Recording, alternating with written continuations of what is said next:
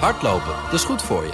En Nationale Nederlanden helpt je daar graag bij. Bijvoorbeeld met onze digitale NN Running Coach... die antwoord geeft op al je hardloopvragen. Dus, kom ook in beweging. Onze support heb je. Kijk op nn.nl slash hardlopen. De BNR Nationale Autoshow wordt mede mogelijk gemaakt door Lexus. Nu ook 100% elektrisch. BNR Nieuwsradio. De Nationale Autoshow. Meindert en Wouter. Welkom, je luistert naar eh, de zomerserie van de Nationale Autoshow. Wouter en ik gaan deze zomer gewoon door. We zitten heerlijk op ons vaste tafeltje in Zandvoort. Ja, aan je zit ook op de tafel. Misschien moet je even op de bank eh, gaan zitten. Dus Dat zit, mensen kijken toch een beetje raar. Dat is eh. toch een beetje gek, hè? in de Ja, zwembroek. daarom, ja, precies. Nou ja. Die strakke speedo. Welke, oh, welke- mensen, oh, ik zie nu allemaal vrouwen deze kant op komen rennen. Omdat ze dat hebben gehoord. eh, Ja, Tijn ja. Akersloot, dat is de strandtent eh, die wij hebben gekozen dit Ja. jaar om onze uitzendingen vandaan te maken. Ja. Eh, in het midden van deze strandtent een schitterende, niet meer werkende Fiat 500 met surfplank op het dak. Ja. Een lekker gevoel hoor, dat zomerse gevoel. Ja, het, het temperatuurtje wordt ietsje beter. Nu, eh, het is nog wel wisselend weer. Hè? Het is nog niet helemaal uh, je, hoog je moet wel een beetje oppassen, want je begint een beetje rood te worden. Je moet even goed insmeren. Omdat ik me schaam voor, je, voor jou met Frido. Op de tafel. Hey. Ze doe even normaal. ja. Wouter, eh, in Zandvoort, ja, dan denk je toch ook gewoon gelijk aan hier een, eh, nou, wat is het, een paar kilometer verderop. Ja. Ligt een eh, circuit, hagelnieuw. Rio Lekker geasfalteerd. Ja, Nieuwe hekken, nieuwe Maar, eh, vangrails. ja, er gebeurt niet veel. Nee. Ja, het is toch wel eh, jammer. Ja, er gebeurt wel veel. Zo'n track days, er komen wel wat evenementjes. Maar ja, het grote ding wat we hadden willen hebben, die, die Formule 1 race. De Dutch Grand Prix. Na, Na 35, 35 jaar. jaar. Het wordt dus 36 jaar, of misschien zelfs 37 jaar. Ja, dat kun je natuurlijk niet helemaal Nee, vooruitkijken. want- Nee, het wordt 36 jaar 36 gaat echt wel. Ja, het mocht even niet zo zijn. Eh, we hebben natuurlijk wel lekker gevolgd, dat hele proces. Hè. Road to Zandvoort. Iedereen proberen te spreken. 20 afleveringen hebben we gemaakt 20, erover. zoveel? Ja, en het is denk ik de moeite waard, hè, als je deze aflevering hebt geluisterd, om toch nog even gewoon die hele reeks. Je hebt toch niks te doen deze zomer. Ga lekker in je hangmat liggen Ja. en ga gewoon even de hele Road to Zandvoort Ja. beluisteren. Want dan kun je dat hele proces volgen. Het is echt de moeite waard. Ja, en voor de mensen die eh, niet op vakantie eh, zijn gegaan, maar in Nederland zijn gebleven. Je kan ook gewoon lekker op de bank eh, liggen met verwarming aan, dikke trui aan. Hè? Nederlandse zomervakantie. We weten weer waarom we Ja. elk, jaar naar de Middellandse Zee gingen. Hé, maar het ging dus niet door hè? De, de, de Dutch Grand Prix. Ja, domper wel. Ook voor de organisatie. Het lijkt me best wel pittig. Je bent echt aan- naar zo'n moment toe aan het werken. Ja. En, dan En opeens, nou laat weg. maar. Nou, het enige voordeel wat je zou kunnen zeggen is dat, dat iedereen dat begreep. En dat je ook niet Ja. zelf een keuze hoefde te maken op een gegeven moment meer. Nee, maar ze hadden nog wel de keuze kunnen maken, Wouter, om het zonder publiek eventueel Ja. te doen. Hè? Dan Ja. had je nu dit seizoen wel Zandvoort alvast in beeld kunnen brengen. Ja, wat op zich goed was, hè, dat hebben de directeur van eh circuitpark Zandvoort eh, gehad, die er ook uitlegde waarom ze dat niet hebben gedaan. Omdat je gewoon die eerste Grand Prix na 35 jaar wil je gewoon met publiek.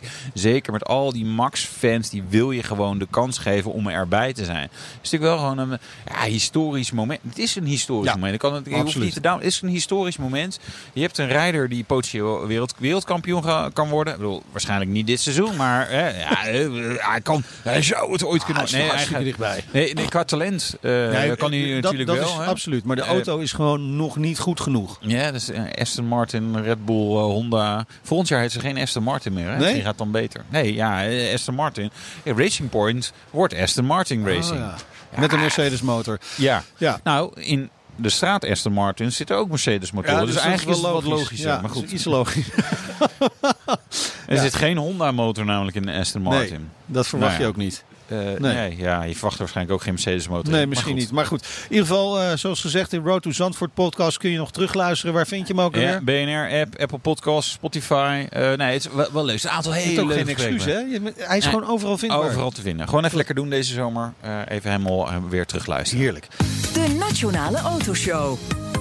Autofabrikanten moeten flink aan de bak, Wouter. Ja. Dit jaar nog. CO2-uitstoot moet naar beneden. Gemiddelde CO2-uitstoot moet 95 gram worden voor het hele wagenpark. Hè. Dus dan moet je even bedenken, de, eh, eh, niet iedere auto hoeft daaronder te zitten, maar gemiddeld wel. Dus BMW, als ze een 7-serie verkopen die misschien 150 gram uitstoot, eh, dan moet er ook een i3 eh, bij zitten die 0 gram uitstoot. Er zijn hele moeilijke ingewikkelde eh, berekeningen voor.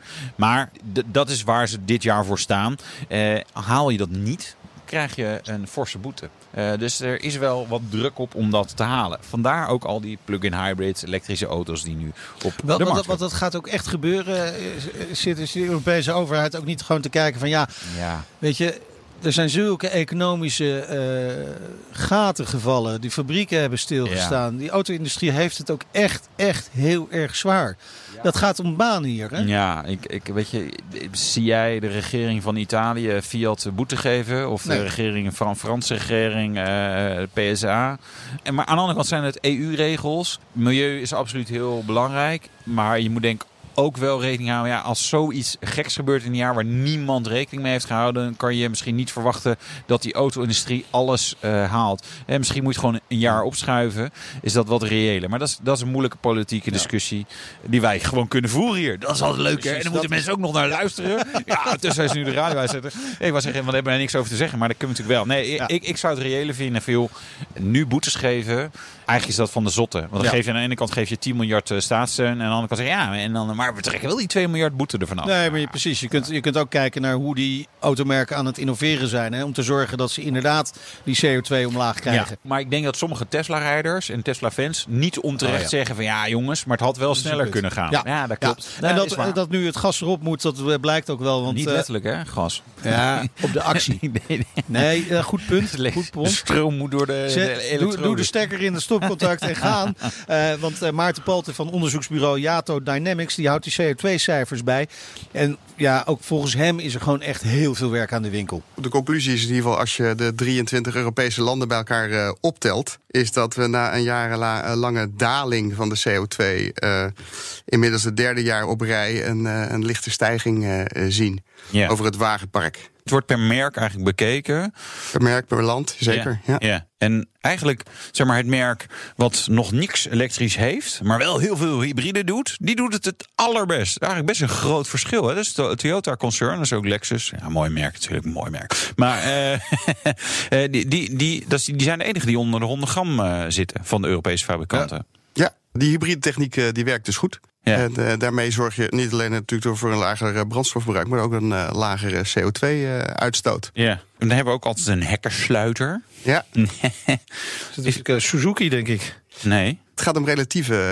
eh, zeker als je het nu hebt over de, zeg maar, de, de, de, hè, die boetes en de EU, dan praat je over Oh, een ja. eh, systeem waarbij je een relatieve doelstelling op CO2 hebt, die gebaseerd is ook wel op, op het gewicht van je auto's. Oké. En want de Ta- Tata, dus de, de eigenaar van Jaguar Land Rover, die kan je niet dezelfde doelstelling geven als Suzuki, die iets lichtere auto's eh bouwt. ja. Ja, aan de andere kant zou je dat natuurlijk wel kunnen doen. Want ja, maakt mij nou uit dat jij in een zwaardere auto zit. Ik bedoel, CO2, daar gaan we allemaal dood van. Want dan eh, wordt de aarde te warm. Dus ik, nee, Ja, het is, het is aardig, aardig Nee, om zeg maar, wat overgang. eh, hè, Ja. Een phase-in, die wordt wel vaker genoemd, om dat, eh, om dat te faciliteren. Ja, oké. Anders krijg je natuurlijk een hele rigoureuze, eh monotone auto. eh, Nou ja, ja, nou ja paling. hè, dat is wat we willen. Lekker, Maar zeg goed, maar, de, de, eh, echte hekkensluiter die jij bedoelde was... Mercedes, Ja, Mercedes. 140 gram, 0,9. En Toyota 97,5. Dus er, is er zit wel een verschilletje tussen. Ja.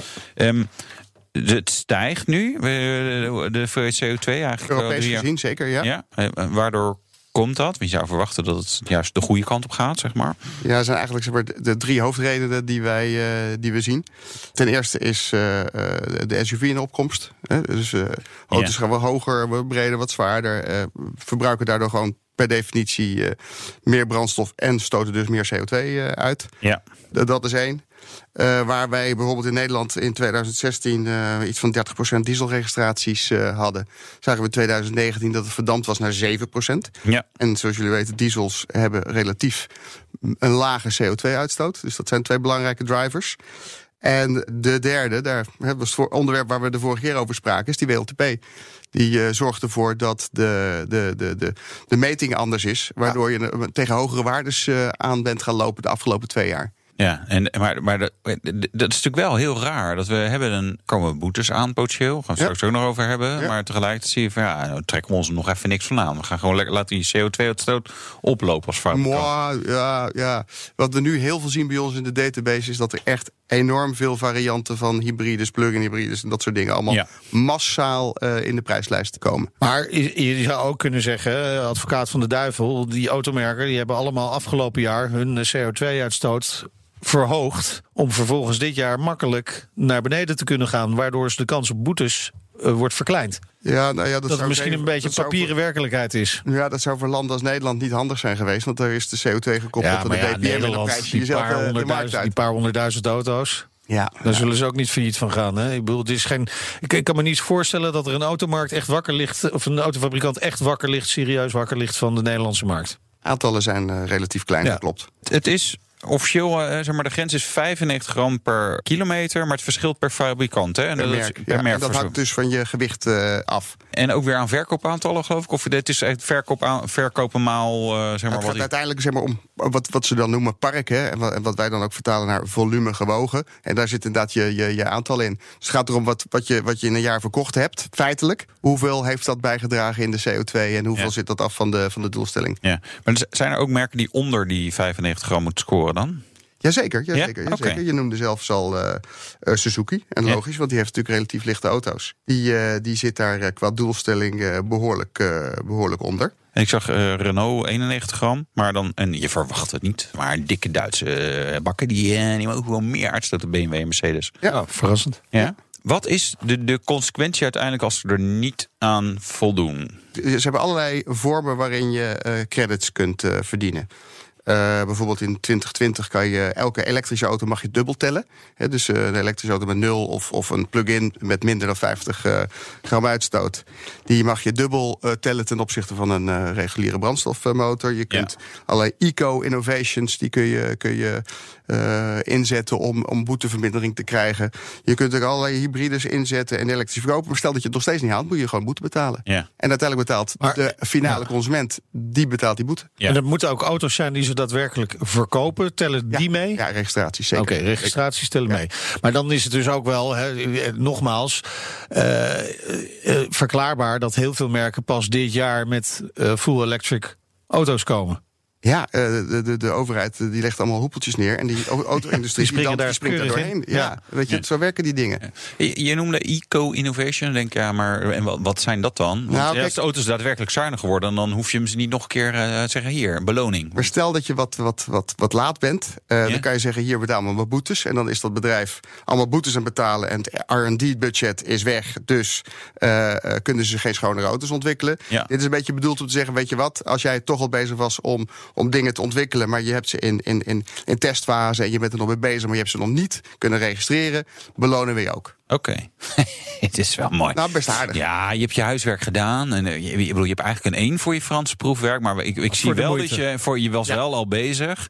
Dus we hogen dat Ter op naar zes. Ja, het is wel... Ze hebben dat goed geregeld, die autofabrikanten in Europa. Toch? Ja, ik zie jou. Jij denkt hier. Ja, ze betalen iedereen wel de denkt daar, iedereen, denkt, daar, iedereen denkt daar anders over. Ja. En, eh, eh, er zit een ingroeitraject in, waardoor je... Kijk, het is natuurlijk ook een Europees ding. De Europese auto-industrie is natuurlijk belangrijk voor de Europese economie. Trump zou zeg maar, zijn auto-industrie anders beschermen dan dat, Nee, dat eh, eens. de EC doet. Nee, Ja, ja. zeker. Ja, Nee, dat is- eh, dat ik vind dat het best wel in balans is. Maar Ja, wat als we eh, op basis van wat jullie op dit moment weten hè, over die CO2-uitstoot, wat is, wat is dan de stand van zaken? Gaan die automerken hier aan voldoen? Niet elk automerk eh, zal het gaan halen. Maar kijk, als heel veel, heel veel mensen gewoon een heel mooie AMG eh, willen kopen, een G-klasse met, met zo'n zo'n zo'n mooie motor erin. Ja, dan gaan die ze- gaan gewoon, gaan gewoon extra betalen. Van dat gigantische geld wat daar eh, aan de Nederlandse en de EU-strijkstok blijft hangen, kun je onwijs veel bomen planten. Ja. Dus eh, weet je, dus eh, zolang je dat niet Zou, verbiedt. zou je bomen kunnen planten? Ja, dat is, eh, dat is beter Maar, voor. maar dan ben ik wel benieuwd. Ja, wat, hoeveel bomen zijn dat dan? Wat voor. Wat,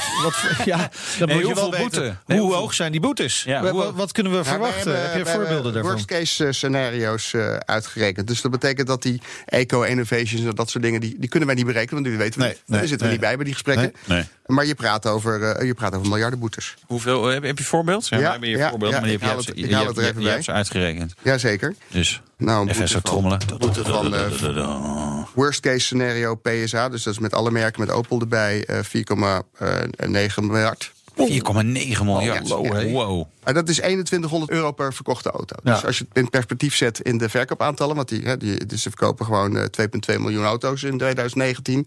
dan is dat per auto eh 2100 euro. Ja, nou als dit bedrag eh, klopt volgens jouw papieren, dan zullen de andere bedragen ook wel kloppen. Renault 3,7 miljard euro hebben jullie uitgerekend. BMW 1,9 miljard. Er zijn toch wel wel flinke verschillen, maar dat heeft dus met het soort modellen te maken en wat er op de rol staat eventueel. Nou, wat er op de rol staat, vertaalt zich niet in Nee. deze... Dit, dus- dit is op dus- basis van vorig jaar de cijfers. De verkoopcijfers zijn voor, van vorig jaar. Ja. En de doelstellingen zijn zeg maar van 2021. Ja, eh. En wat, ik zal ook even kijken naar de eh, groep. PSA heeft eh, vorig jaar, 2019, 3,2 miljard euro winst gemaakt. Dus stel dat zij nu niet zouden doen, gewoon op dezelfde voet verder, maken ze, maken ze verlies. maken ze 1,7 miljard Ja. verlies. Maar ze hebben ruimte om boetes te betalen eventueel. Kunt ook gewoon zeggen, ja, nou ja, fuck it. Ik doe het gewoon. Ik maak die auto's allemaal 1000 euro duurder en eh, nou ja, dat is het dan. Gaan Ja, dat niet- lijkt me de minst verstandige oplossing. Ja. eh. en, en daarom zie je dat er behoorlijk wat eh, elektrische modellen ook van, de, van deze stal op de markt komen. Wat is jullie inschatting? Gaan er, gaan er boetes volgen voor fabrikanten? Ja, zeker. Een aantal merken ontkomen er gewoon niet aan. Nee. Welke merken denk je dat die boete gewoon echt gaan, gaan krijgen? Nou ja, wie zitten er redelijk ver van hun eh, doelstellingen eh, af? Een Daimler, eh, daar zou ik me niet over verbazen. Nee. Als ik het elektrische gamma een beetje kijk wat, ze, wat, wat er allemaal aankomt. Ja, er En- komt en- veel aan, maar ze hebben en ze verkopen niet zoveel elektrisch. Dus, Dat dus, dus, ondersteuning dus dat de sluit ik ja. niet uit dat, er, Ja. dat, dat, er, eh, dat daar een boete betaald moet worden. Ja. Die doorberekend wordt aan de, Ja. aan de consument. Dankjewel voor nu. We gaan dit verhaal in de gaten houden. De Nationale Autoshow. We gaan door met een eh, bijzonder gesprek dat we niet zo heel lang geleden hadden met eh, Hein Noordman. Hij is blind, maar kocht toch gewoon zijn droomauto. Een, wat was het? Een Lotus Evora. Ja. Ja, ik vind het fantastisch, hè? En hij is een, als een kind zo blij. Heerlijk. Ja? we, hebben, we hebben net nog een stukje gereden. en Het is eh, echt fantastisch. Eh, eh, zo strak en, en, en goed als die auto rijdt. Ja, ik vind, daar hoef je niet voor te, voor te kijken om, Nee. om ervan te genieten. maar ik vind dat wel graag. We hebben een stukje gereden, terwijl we net hebben geroepen dat jij blind bent. Maar want je, je, je rijdt er wel in, of je laat je rijden. Hoe werkt dat? Ja, ik, ik heb hem nu laten rijden. Ja. Dus ik moet er inderdaad helaas naast zitten. Ja. Op de openbare weg. Oh, Eh, maar? Dan kan ik niet zelf rijden. Ho- hoewel ik wel al eh, eh, een keer, dat was dan niet met deze auto, op het circuit zelf heb gereden met iemand naast mij. Terwijl ik achter stuur zat. Ja, dat, dat, dat moet je ook maar durven. Ernaast zitten bedoel je? Of, Ja, deze meneer is blind. Ga jij er even naast staan? Ga zij een rondje circuit rijden. Oké.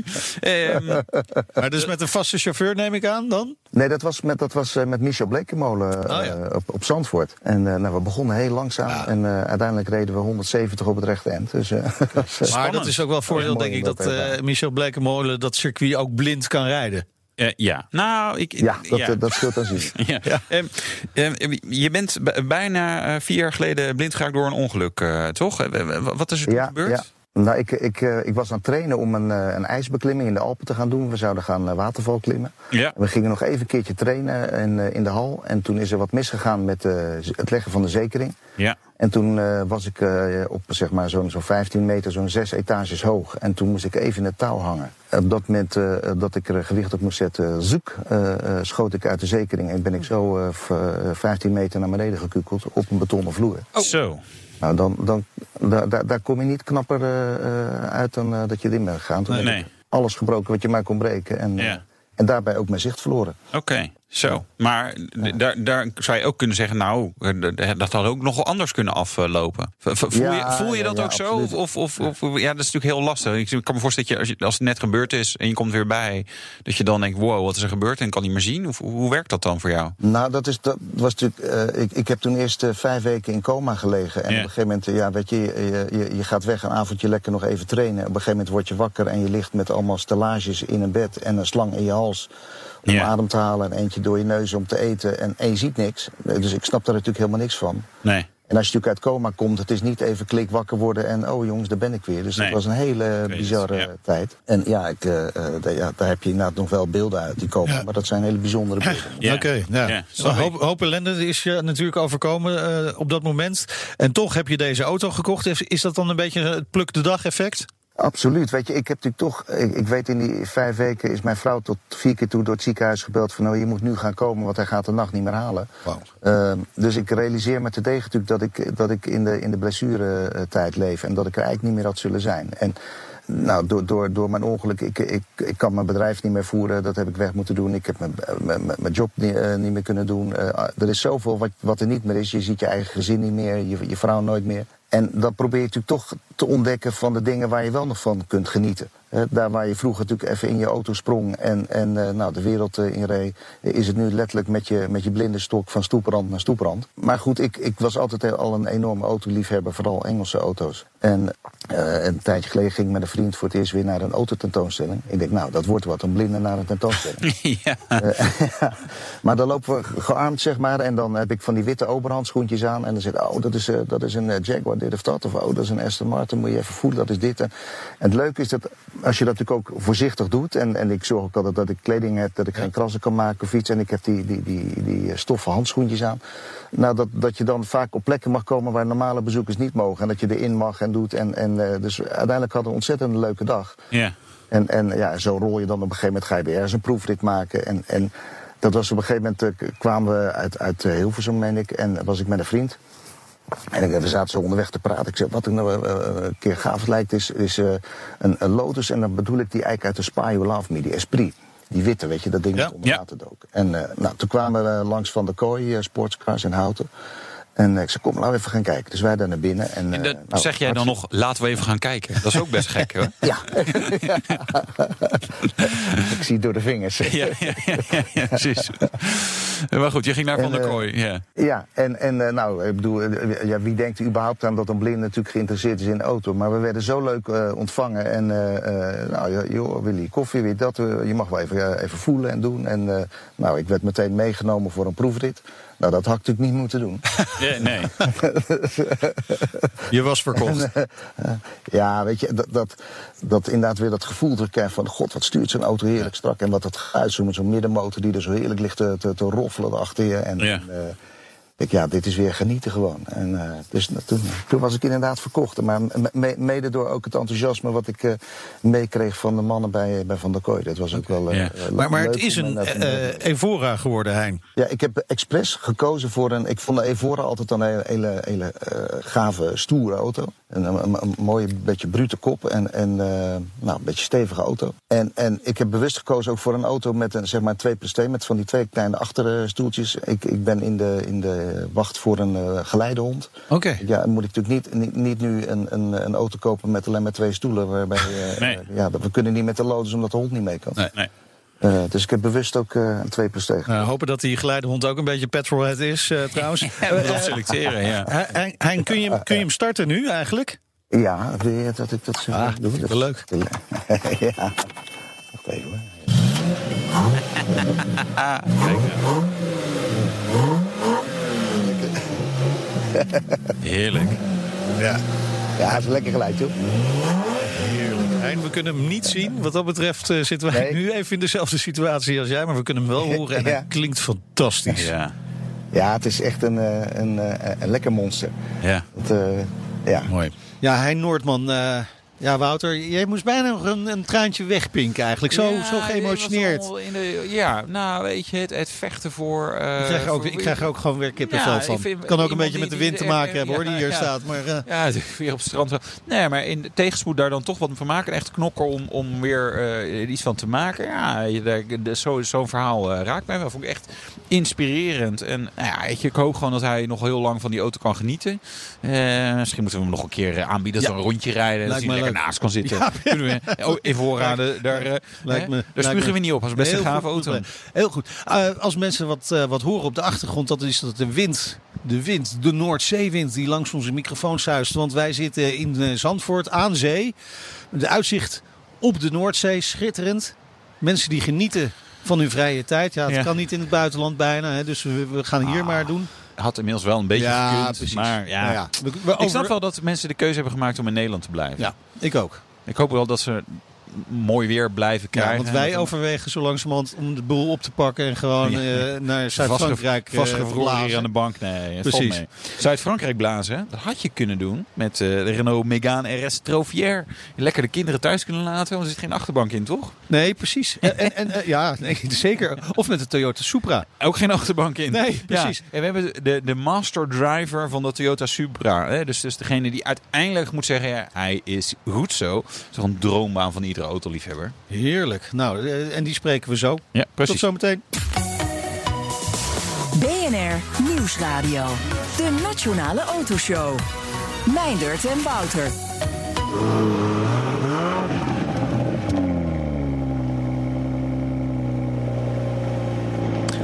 Ja, Wouter. Het is een 6 in lijn motor. Ja. 340 pk. Het geluid van de Toyota GR Supra.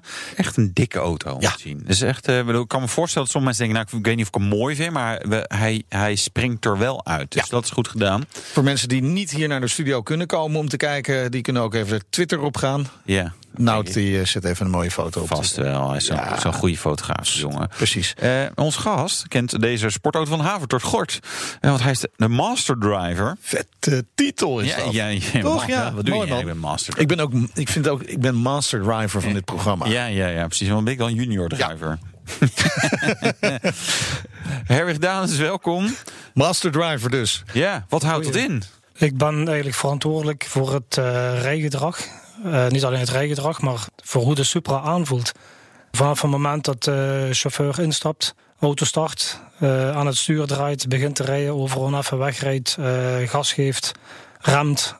Alles wat hij dan voelt en eh, ervaart, dat Ja. is mijn verantwoordelijkheid. Maar dat is het allerbelangrijkste aan de auto, toch? Of, nou, of- dat is inderdaad het gevoel. Ja. Dat is het, eh, het allerbelangrijkste. ja. Dus je bent de baas. Eh, baas, baas is een groot woord, Oh, maar daar heb ik mijn, mijn zeggen, ja, inderdaad. Ja, maar heel, be- heel bepalend. Ja, weet je, er zijn natuurlijk meer dingen. Ik bedoel, het uiterlijk had ik het even over. Maar, maar het moment dat je en zeker een Supra, dat moet gewoon lekker zijn. Dat moet kloppen. Dat moet inderdaad kloppen. Dat moet eh, een harmonieus en eh, op elkaar afgestemd geheel zijn. Ja. Maar, maar werkt het dan ook een beetje zoals, hè, want die mensen, mensen kennen de Formule 1 wel, hè, en die, die, zo'n Max Verstappen, bijvoorbeeld, om maar eentje te noemen, eh, Hamilton kan ik ook zeggen, Vettel, eh, Leclerc, noem maar op, die krijgen een auto en dan gaan ze met hun team daar aan sleutelen. Is dat eigenlijk wat jij ook doet? De, de, de settings veranderen? Ja, daar komt het op neer. Maar eh, in de motorsport natuurlijk eh, is het hoofddoel eh uw rondetijd verbeteren. Eh, wij moeten natuurlijk, of ik als master driver moet natuurlijk een, eh, een bredere kijk hebben op, op het product. Dus het eigenlijk alleen veel ingewikkelder wat je doet. Het is wat complexer, ja, Ja. Omdat, eh, ehm, ja, omdat je met, met veel meer factoren rekening moet houden. Ehm ja, gelijk ik al zeg, het, kan, het gaat niet over, over het gaat ook over het, eh, het eh, gebruikscomfort, het comfort algemeen. Eigenlijk, eh, ja... heel- dat Verschillende type wegen waar je op rijdt ook, ongetwijfeld. Je maakt het niet alleen maar voor asfalt. Voilà, ja, verschillende type wegen. Dat, bedoel, dat een klant uit de auto kan stappen na, na een rit van 7, 8 uur en dat hij zich toch nog toch. Dat is, Precies. dat is toch belangrijk. Maar als, als het zo'n complexe eh, job is. eh, kijk, voor autosport is eigenlijk heel simpel. Hè? Van degene die het hardste gaat, dat, die is de beste. Eh, maar voor een master drive komt er dus best veel bij kijken. Ehm, hoe, hoe word je dan master driver? Ja, want ik ben, ik ben eigenlijk ik ben in, die, in die job eh, gerold. Eigenlijk. Ik, ben, eh, ik ben bij Toyota begonnen in 2000 en ik heb eh, ook een voorgeschiedenis bij, bij Ford. Ja, Altijd in, in het vakgebied van, van Dynamics eigenlijk. Of dat, dat- daar ben ik bij Ford mee geëindigd in de. Vehicle Dynamics. zo. Maar dat was een koude kermis om in 2000 bij Toyota te beginnen dan. Code kermis niet echt. Het is een, een heel andere... er was veel te halen. Ja. Een heel andere bedrijfscultuur, dat, is, dat is inderdaad. Maar eh, ja, eh, en een, een, een hele uitdaging ook. Een, een heel nieuwe omgeving, nieuwe uitdaging. Het is allemaal goed gelopen. En hoe ben je uiteindelijk bij het, project Supra eh, betrokken geraakt? Eigenlijk heeft dat ook een voorgeschiedenis. Ehm, in 2008, be- dat begint in 2008, 2009, waar dat ik met Tetsuda Tada, de chief engineer van de Supra, was des- destijds ook chief engineer voor de GT86. Nou ja. En daarmee ben ik dus eigenlijk eh, in contact gekomen om de GT86 af te stellen. En destijds, eh, dat kan ik wel zeggen, hebben wij met ons twee ehm, bepaalde beslissingen erdoor gedrukt uh, op het gebied van rijdynamiek, die op dat moment bij Toyota vrij revolutionair waren. Zoals? Ja. Uh, dus eigenlijk zoals het, het, speels, het speelse karakter van de, van de Toyota GT86. Dus eigenlijk de balans wat verleggen van stabiliteit naar agiliteit. En ja eigenlijk een auto ook een beetje gevaarlijker maken. Misschien. eigenlijk, eigenlijk spannender. Spannender, ja, nee, gevaarlijker. Met, met elektronica kan je, regel je dat natuurlijk weer ook. Hè? Ja, niet, niet alleen met elektronica. Wat dat we bij de GT86 en ook bij de Supra altijd op gelet hebben, is dat, uh, dat de auto progressief en voorspelbaar blijft in het grensbereik. Ja. Uh, echt gevaarlijk wordt het pas als, uh, als, als die karaktertrekken niet aanwezig zijn. Ja. Oh, ik weet ik een goede Toyota voor de MR2. Ja, 90. Ja, ja. Nou ja. Dit is voor petrolheads. Zoek op. Dat was niet. Uh, als je daar van het gas ging halverwege een bocht, dan eindig je gewoon gegarandeerd achterstevoren. Dat was een, dat was een hele. was niet het hoogtepunt. Uh, maar nu over de Supra. Ja, want, want je kreeg dus voor de, voor de, de GT86 een duidelijke opdracht mee. Ja. Uh, hoe was dat met de Supra?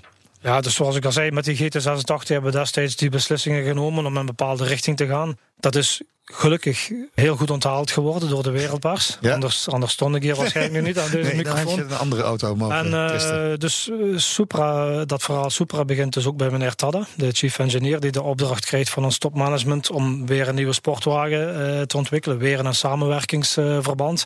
En die komt er bij mij aankloppen. En zo zijn we dus terug beginnen samen, samen te werken op de Supra. En waar dat we naar gestreefd hebben met de Supra, dat was voor Tadasan en mijzelf uh, vrij snel duidelijk, was dat we eigenlijk een grote broer van de GT86 wouden bouwen. Dus eigenlijk heel het performance aspect op een, op een groter niveau, op een hoger niveau brengen. Maar toch nog die qua jonge streken van de GT86 daar wat in uh, yeah. mixen. Ja. Ja, ja hij is, hij is, het is inderdaad wel een volwassene auto. Hij is, ik, ik vond zelf, ik heb ook Supra gereden. Ik dacht op een gegeven moment zelf, ja, of er, er moet meer vermogen in, of, of iets smallere banden. Iets meer speels qua jongens had ik zelf uh, uh, wel lekker gevonden. Kan, kan, je, kan, je, kan je daarin vinden? Of zeggen van, nou, dan heb je hem niet goed begrepen. Ja, dat mag hoor. ik begrijp niet altijd alles. Ja, daar heb, daar heb ik eerlijk gezegd een andere mening over. Want uh, gelijk, gelijk gezegd, met de GT86 speelt zich heel dat verhaal, heel dat grensbereik verhaal speelt zich af uh, ja, op een lager niveau. Ja. En dat is natuurlijk wel iets waar, dat, uh, waar je goed rekening mee moet houden bij de Supra. Dat uh, eer dat je daar het, het grensgebied bereikt, dat yeah. je laterale versnellingen of je longitudinaal lateraal, yeah. dat dat allemaal op een veel hoger niveau is. Het gaat allemaal veel harder. En dan... Veel, veel harder. Yeah. En daar is natuurlijk, uh, ja, daar moet, daar moet je heel goed op letten dat, dat daar je niet hebt te eigenlijk varen. mij in bescherming genomen tegen mezelf. Dat, dat, dat, probeer je uit te leggen. Ja. nou, ik, ik krijg ook het gevoel dat het heel goed is dat jij toch niet master driver bent geweest van de Supra. Uh, ja, ja, dat is ongetwijfeld ook waar inderdaad. Ik, uh, nee, nou, nou, weet je, het is wel interessant om, om van, van welke keuzes maak je hierin en, en hoe, hoe kom je daartoe? Want dat is, ja. je kunt natuurlijk uh, tien verschillende kanten op met zo'n auto. Ik voel een dagje op stap eraan komen. Ja, heerlijk hè? Ja, ja. lijkt ja, me heel goed. Ik, ja. Um, je hebt natuurlijk, je, je gaat sleutelen en je gaat steeds wat dingetjes aanpassen aan, aan de auto. Wat heb je gaandeweg veranderd, verbeterd aan de Supra en waarom? Dat is een heel, een heel proces geweest. Ik denk dat we wel, als ik daarop terugdenk, wel 700 of 800 uh, veranderingen hebben aangebracht. Tussen het, het rauwe prototype en het product dat hier nu voor de deur ja. staat. En natuurlijk, in het begin, uh, in het begin uh, van het prototypefase, dan confirmeert je eigenlijk de architectuur die je hebt gekozen. Dus wat bedoel ik daarmee? De, de spoorbreedte, de wielbasis, de, de hoogte van het zwaartepunt. Die dingen die worden dan geconfirmeerd of dat overeenkomt met, uw, uh, met het uh, simulatief gedeelte. En dan zijn de veranderingen die aangebracht worden vrij, kunnen vrij, uh, vrij groot zijn of vrij ingrijpend. Maar natuurlijk, hoe verder geëvalueerd in zo'n tuningsproces, hoe subtieler en hoe, hoe minusculer ja. die veranderingen worden. Maar ze kunnen toch nog altijd een, een groot effect resulteren. Dus dat is. Ja, en dat, en dat allemaal wel op gevoel, want het gaat ook met de computer, maar meestal is uiteindelijk op gevoel? Nee, op gevoel. Echt op gevoel? Is, ja, Niks computer? Een, uh, nee, dat is inderdaad... Fijn. Er is natuurlijk heel veel, heel veel data beschikbaar. Uh, er wordt, uh, ook bij, bij Toyota wordt er ook heel veel belang gehecht aan data en aan, aan, objectieve gegevens.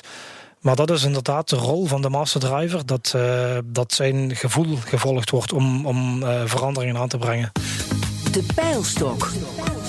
Met welke auto ben je gekomen? Hmm, spannend, spannend. Met mijn eh, CHR 1,2 turbo. Zo, zo. Zes maar- manueel. Maar, maar- maar- maar- maar- maar die staat niet, niet voor de deur. Die staat hier niet voor de deur. Die staat onder in de garage hier. Oké. Eh, ja, kort, eh, CHR was eigenlijk ook mijn eh, vorig project. Oh ja. Eh, dat heb ik wat simultaan met de Supra gedaan in het begin. Eh, ook een project waar dat ik heel goede herinneringen aan heb. Omdat dat eh, met een ander petrolhead... Luister, luistert je baas mee? Dat je, dat je Ja, met, een, zeggen. met een ander petrolhead chief engineer Koba Ja. was. Daarmee ben ik hier. Ja. Ja.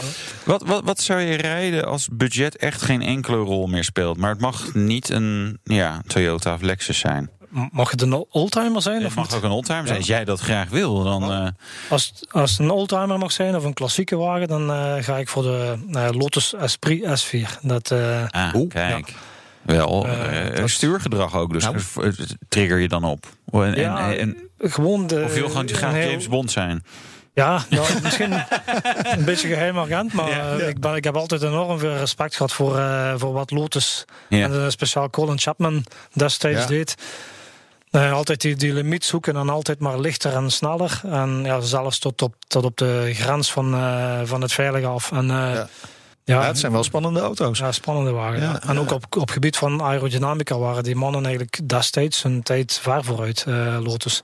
Dus daarmee, als het een klassieker mag zijn, eh, de Lotus Esprit S4. Als het een moderne wagen moet zijn, Ja, maar Dan leuk. Vinden we ook leuk. dan zou ik zeggen, ja, eh, dan ga ik een Porsche Targa nemen, denk ik. Ja, goeie. Ja, ik Ook zie een wel, van ik onze zie wel favorieten. kijken van ja, dat, eh, dat is misschien niet de meest dynamische auto. En dat klopt waarschijnlijk ook. Ik heb er nooit Ja. mee gereden, maar met dat glazen dak en dat Targa-concept Heel mooi. Je moet alleen een, iemand vinden die even de, de, de voorwielaandrijving eruit sloopt. Want de, de- dat, is echt, dat is echt zonde dat de Targa is alleen vierwiel aangedreven. Dat, is, dat is gewoon niet nodig bij die auto. Ja. Zonde. Precies. Maar ik ben... Maar dat was niet gebeurd als onze gastenmasterdriver Nee, was nou, geweest. inderdaad. Van de Targa. Ja, Hè? Dan was hij er al lang uitgesloopt. Hoeveel Ja. masterdrivers hebben jullie eigenlijk bij Toyota? Eh, binnen Toyota zijn er drie. drie. Dus, Kijk, eh, nou, dat, ja. maar dat, dit is een, een van de grootste autoconcerns ter wereld. En er zijn maar drie master drives. En wij hebben die één hier. Dus dat, Eh, dit is een en- eer voor en, ons. en degene die de Supra mocht doen. Dus Ja, hij precies. staat gewoon En de keihard op nummer 1. En, de, CHR. Ja. Ja. Ja. Nou ja, dit- maar, de, maar de Supra is natuurlijk wel een van de gaafste projecten binnen Precies. Toyota geweest van de Eh, afgelopen jaren. ja, van de afgelopen jaren wel. Ja, inderdaad. Ja. Ja. Ja. Ja, en Lexus heeft natuurlijk ook wel een van de sportautootje gebouwd. Ik met ben die, ook eh, eh, die betrokken geweest bij de Alava bijvoorbeeld. ook? Eh, Ja, GT ja, de GT86 was anders ook een mooi project. Ja, zeker, zeker. Maar, drie masterdrivers. Jij bent er één van. De andere, die kennen we eigenlijk ook. Ja, niet persoonlijk nog, maar Nog niet. nog niet. Nee, maar dat is de grote baas altijd- van Toyota. Akio Toyota. Ja, inderdaad. Ja. Best bijzonder. Dat is eh, ja, best bijzonder. Man. Het, eh ja, Akio is eigenlijk ook iemand die, die echt benzine in het bloed heeft, zeg ik altijd. Dat is, eh, ja, jullie kennen hem misschien van, van met zijn grijs businessvestje op televisie of op, op YouTube. Ja. Maar, nou, ik weet ook wel dat hij heeft gezegd dat eh, auto's, en dan met name ging het over, over Lexus ook, maar het moest allemaal meer sexy worden. ja, Nou, met de Supra is dat wel redelijk gelukt. Ja, ja, heeft, dat, eh, heeft die, die uitspraak eens gedaan. No more boring cars. Ja. Eh, best, best wel gewaagde uitspraak destijds, denk ik. En eh, Maar wel terecht. wel terecht, ja. Ja. Toch? Ja. Ja, ja nou, eerlijk inderdaad, in zijn. ja. Hoe is het om met hem samen te werken? Ik ken Akio al, al eh, sinds 2006. Dus eigenlijk hebben we ons leren kennen in de motorsport aan de Nürburgring. Ja. En daarna zijn we eigenlijk meer en meer in contact geraakt eh, in projectgerelateerd werk. En eigenlijk, ik denk altijd als je mensen op een sportief vlak eerst leert kennen, dat Ja, dan ja. De verstandhouding. eh is een ja, wederzijds dus, eh, respect. Ja, een wederzijds respect en ook, ook een relaxtere manier van, van omgaan. Dus eigenlijk. Ja. Wie kan er beter rijden van jullie twee? hè? eh, je verstaat toch, verstaat toch Nederlands? Nee. Nee. Nee, maar- maar- maar- maar- maar- Heb je als rondetijden bijvoorbeeld vergeleken of doen jullie dat niet? Eh, ja, nee, niet direct. Nee. Niet direct. Maar Ik denk, ik denk ja, sorry, sorry Akio, maar ik denk dat ik iets sneller ben. Ja, ja. Maar, maar ik kan me wel voorstellen, hè, dat misschien niet eens tegenspreekt, maar dat jullie wel discussie hebben over, over zo'n auto. Discussie is misschien een groot woord, maar toch wel De Supra was Akio zijn geestekind eigenlijk. En daarmee heeft hij ook altijd het project uh, zeer, zeer nauwlettend opgevolgd. Zijn wij ook verschillende keren naar Japan geweest met een prototype om hem op de hoogte te brengen en te houden en presentatie gegeven. Ook uitgenodigd in Europa om met de wagen te rijden. En daar waren hij is volledig hier in Europa ontwikkeld? Ja, hij is volledig in Europa ontwikkeld. En er zijn dan inderdaad wel momenten dat hij andere voorkeuren heeft. Maar dat gaat dan natuurlijk niet over, over het, uh, het, uh, de basis van het rijgedrag. Maar over, over kleine, ja, kleine, kleine aanpassingen die hij liever, liever anders ziet. Of waar dat hij een ander, een ander gevoel ja, heeft. En hoe vaak heeft, krijgt hij dan ook gelijk? Ja, niet, niet altijd. Oh, nee, nee dat, dat, klinkt misschien raar, maar dat, Akio is ook iemand waar, dat, waar dat je mee kunt, uh, mee kunt praten en ja, ja. ook mee kunt overleggen. En die ook, ook open staat voor, uh, uh, voor, voor, voor inputs van uw zijde. Dus als wij dat dan konden staven, dat die beslissing wel de juiste was, om, de, om welke reden dan ook, dan was ja. je daar ook graag mee akkoord. Maar daar is dat wederzijdse respect dan natuurlijk wel heel belangrijk Inderdaad, voor. Je, je noemde al de Nürburgring. Hoe, hoe belangrijk is die? Ja, super belangrijk voor de, voor de Supra. Ik zag, uh, eigenlijk kunnen we zeggen, die, die Supra is, is geboren in München. In ons project office in München, maar die is eigenlijk opgetrokken, uh, grootgetrokken in de Duitse Eifel. Dat is uh, okay. zo belangrijk, kan ik het wel noemen. Ja. waarom is dat zo belangrijk, de Nürburgring en, en, en misschien ook de wegen eromheen? Ja, Inderdaad, u zegt het al. De, het is niet alleen het circuit zelf. Hè, dus die, die 21 kilometer waar dat je eigenlijk de, de wagen alle mogelijke scenario's voor de wielen kunt schuiven. Maar het zijn ook de wegen daar rond. Dus eigenlijk de, de Duitse autobanen, de A61, de, de A6, wat er, allemaal, wat er allemaal in de buurt ligt. Maar dat je dus eigenlijk heel ja, heel, het, heel het spectrum uh, van, van zo'n wagen kunt bekijken en afstellen. Ja. Dus dat is, uh, Waaronder de topsnelheid natuurlijk. De topsnelheid, ja, inderdaad. Ja. Zeker. En Vaak ook, aangetikt? Ja, zeker. Ja, ja, in, in, Duitsland dagelijks. Dat is, en dat is het verschil met, uh, met testwerk in, in, ik zeg maar Nederland of België op de openbare weg. Of Japan, want Japan Japan, helemaal niet zo hard. Japan reizen helemaal niet op de openbare weg. En dat nee. is natuurlijk een grote troef van Toyota Motor Europe van onze entiteit in Europa, dat wij die, dat aspect. Rijden niet op de, testen niet op nooit, de nooit. nooit. Nooit. Dat is verboden, verboden voor de wet. In Japan. Echt waar? Met prototypes. Oké. Okay. Ja. Dus we kunnen wel met productiewagens uh, op de baan, yeah. maar met een prototype is totaal uit een boze. Ja, oh, dat, maar dat is een hele grote beperking. Inderdaad. Dat is een dat, enorme beperking. Want dan heb je alleen maar je testbaan die je van haven tot fort kent, maar waar niet alles, je kan nooit alles nabootsen. Nee, ja, inderdaad. Het grote gevaar op een testbaan is dat ja, het is en het blijft een uh, soort van artificiële omgeving. Hè, dat, ja, uh, op het einde van heel geconditioneerd natuurlijk. Ja, ja. Voilà. ja. Dus de, de, de, ik dacht toch al, ja, die Nürburgring ook wel een beetje een marketingverhaaltje. Het is gewoon lekker als je daar een goede ronde hebt gedraaid. Maar het is echt veel meer dan dat. Het is dus veel meer dan dat, inderdaad. Ja. Het is natuurlijk, ja, je staat in de belangstelling als je met die prototype aan de Nürburgring komt. Dat is mooi meegenomen, maar het is niet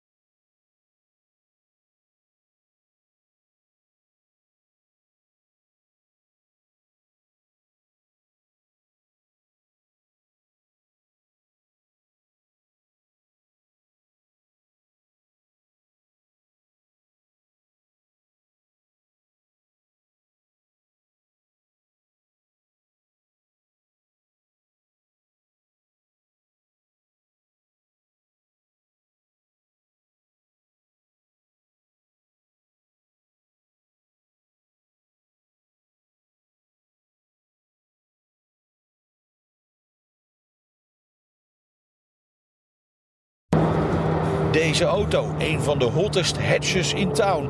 Zo niet de heetste van het stel. Renault eh, zelf beschrijft hem als de auto voor de circuitliefhebber die ook echt kan rijden. Nou, ik begrijp waarom ze mij hebben gekozen. Nou kun je in de basis twee dingen doen om een auto sneller te maken. Hè? Of je zet er meer pk bij, vinden wij altijd leuk. Of je maakt hem lichter. Ja, dat kan ook. Nou, voor de Trophy R is gekozen voor de tweede optie, lichter maken dus. In totaal is er 130 kilo van afgehaald. Nou, is ongeveer twee keer Nout Broekhoff. Nou, hoe doe je dat? Geheel in lijn met de traditie is eerst die achterbank gewoon eruit gesloopt. Zit er niet in. Daarvoor in de plaats zit een of ander hard kunststof dingetje waar je echt niemand op wil laten zitten. Zelfs niet uh, de kinderen die nu al een week uh, thuis zitten. Dat is goed voor ruim 25 kilo. Voorstoelen zijn vervangen door kuipstoeltjes, levert 14 kilo op. Keramische remmen en koolstofvezelvelgen, nog eens 18 kilo. Nou is allemaal leuk, maar de grootste besparing zit in het weglaten van de vierwielbesturing. Scheelt je gewoon 40 kilo. Bam! In totaal kom je dan uit op dik 1300 kilo voor 300 pk. Ja, dat is best lekker.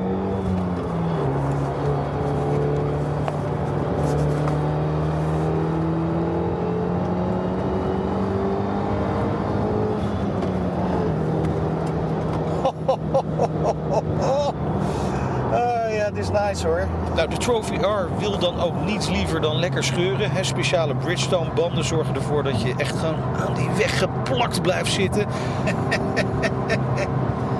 Terwijl je de auto nou eigenlijk helemaal uit elkaar trekt. In 5,4 seconden sprint hij naar de 100. Tussensprint van 80 naar 120 doet hij in 2,9 seconden in de 3 en de top ligt bij 260 km per uur. Ja, of iets hoger. Nou, hij stuurt zo direct dat je een hoek van 90 graden kunt maken ongeveer. Ik heb me zo net de stelling van Pythagoras uitgelegd met deze auto. Zo wordt thuisonderwijs toch weer leuk. Nou, wil je hem hebben, moet je wel snel zijn en diepe zakken hebben. Komen er maar een paar naar Nederland. Begrijpelijk, gezien de prijs. Normale Megane heeft een vanafprijs van uh, net geen 23.000 euro. Voor de Trophy R mag je daar nog eens 53.000 euro bij optellen. Heb je wel een auto die ja, sociale isolatie tot iets aangenaams maakt. Ga nog even een rondje.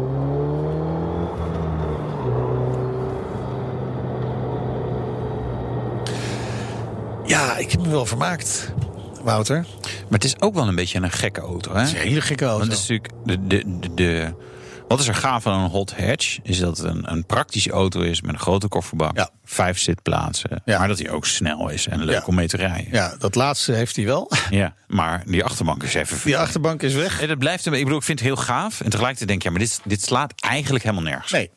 Nee, Maar dat maakt het misschien ook ja, wel dat weer- maakt het ook wel weer eh, gewoon leuk. Ja. Hè?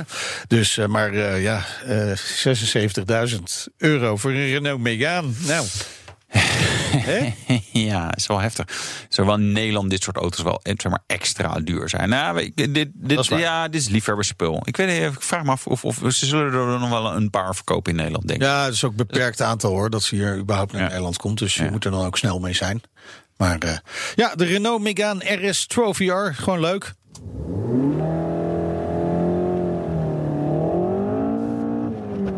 Business Booster. Hey ondernemer, KPN heeft nu Business Boosters. Deals die jouw bedrijf echt vooruit helpen. Zoals nu, zakelijk tv en internet, inclusief narrowcasting... de eerste 9 maanden voor maar 30 euro per maand. Beleef het EK samen met je klanten in de hoogste kwaliteit. Kijk op kpn.com slash businessbooster. Business Booster.